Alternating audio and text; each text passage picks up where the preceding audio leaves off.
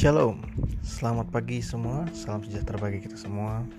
Pada kesempatan kali ini kita akan membacakan firman Allah dari Mazmur 103 ayat 1 sampai 22.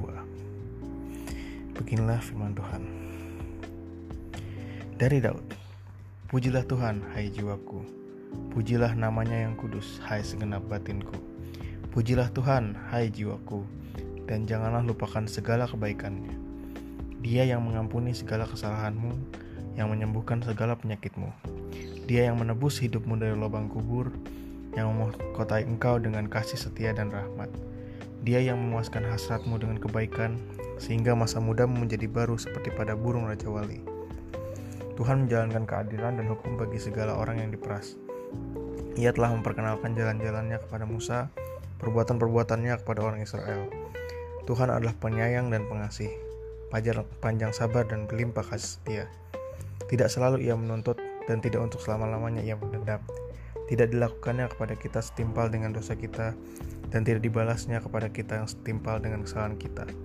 Tetapi setinggi langit dari atas bumi, demikian besarnya kasih setianya atas orang-orang yang takut akan dia. Sejauh timur dari barat, demikian dijauhkannya daripadanya, daripada kita pelanggaran kita.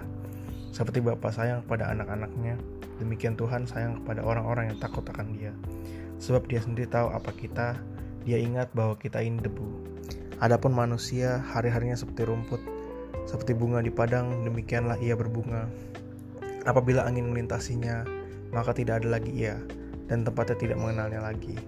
Tetapi kasih setia Tuhan dari selama-lamanya sampai selama-lamanya atas orang-orang yang takut akan dia, dan keadilannya bagi anak cucu bagi orang-orang yang berpegang pada perjanjiannya dan yang ingat untuk melakukan titahnya. Tuhan sudah menegakkan tahtanya di sorga dan kerajaannya berkuasa atas segala sesuatu. Pujilah Tuhan, hai malaikat-malaikatnya, hai pahlawan-pahlawan perkasa yang melaksanakan firman-Nya dengan mendengarkan suara firman-Nya. Pujilah Tuhan, hai segala tentaranya, hai pejabat-pejabatnya yang melakukan kehendaknya. Pujilah Tuhan, hai segala buatannya, di segala tempat kekuasaannya. Pujilah Tuhan, hai jiwaku.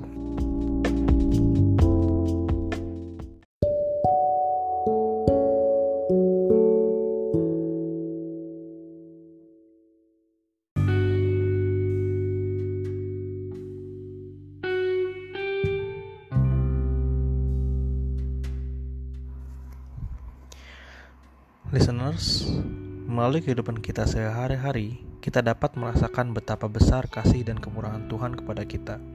Sekalipun kita sering mengecewakan Tuhan melalui ketidaktaatan dan pemberontakan kita, tetapi kasih setia Tuhan kepada kita tidak pernah berubah.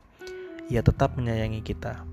Seperti Mazmur 103 ayat 13 mengatakan, seperti Bapa sayang pada anak-anaknya, demikian Tuhan sayang kepada orang-orang yang takut akan Dia.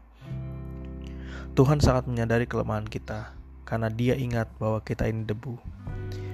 Sekalipun Tuhan tahu kelemahan kita, bukan berarti Ia akan membiarkan hidup dengan hidup kita dengan sembarangan. Hidup seenaknya sendiri dan terus jatuh dalam dosa. Seringkali kita membuat dalil bahwa sebagai manusia adalah wajar bila melakukan kesalahan atau berbuat hilaf. Bukan karena Tuhan mengerti bahwa kita ini lemah lalu dia akan mengkompromi dengan dosa-dosa yang kita perbuat, Tuhan tahu bahwa hari-hari kita di dunia sangatlah singkat.